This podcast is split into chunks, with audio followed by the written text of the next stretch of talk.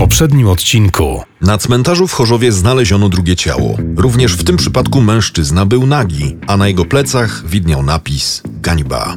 Sprawę przejmuje Komenda Wojewódzka Policji. Wkrótce okazuje się, że denaci byli braćmi.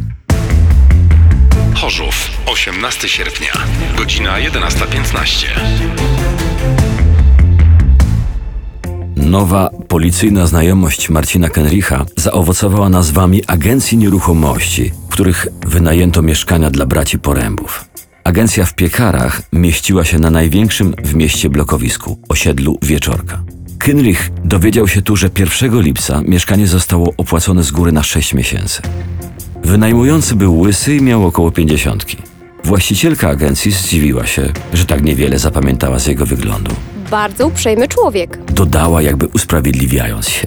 Agencja w Chorzowie mieściła się przy ponurej, pozbawionej zieleni ulicy 23 czerwca. Ten hop był reży, nie łysy.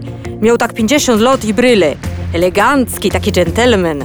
Mieszkanie wynajął pod koniec czerwca i zapłacił z góry za pół roku. W obu przypadkach zapłacono gotówką, co było dziwne, ale nikt nie zadawał pytań. Z klimatyzowanej kawiarni przy ulicy Wolności Kenrich zadzwonił do Zawalnego.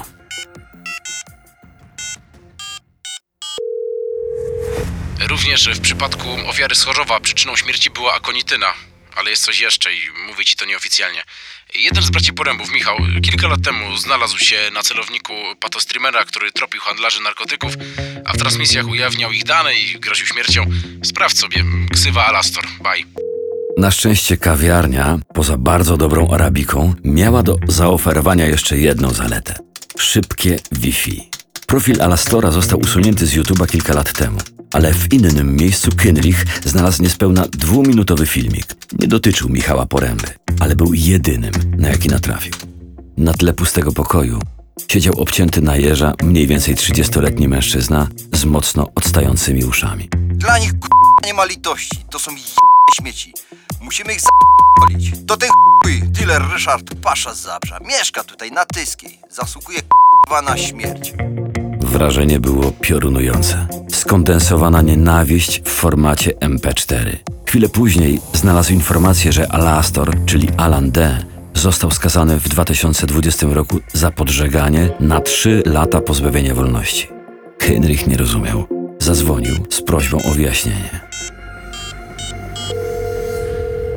No widzę, że odrobiłeś zadanie domowe. Dobra, teraz najważniejsze. Nasz Alastor, czyli Alan Dyszka, od maja śmiga po wolności, skrócono mu karę. Wiesz co to znaczy?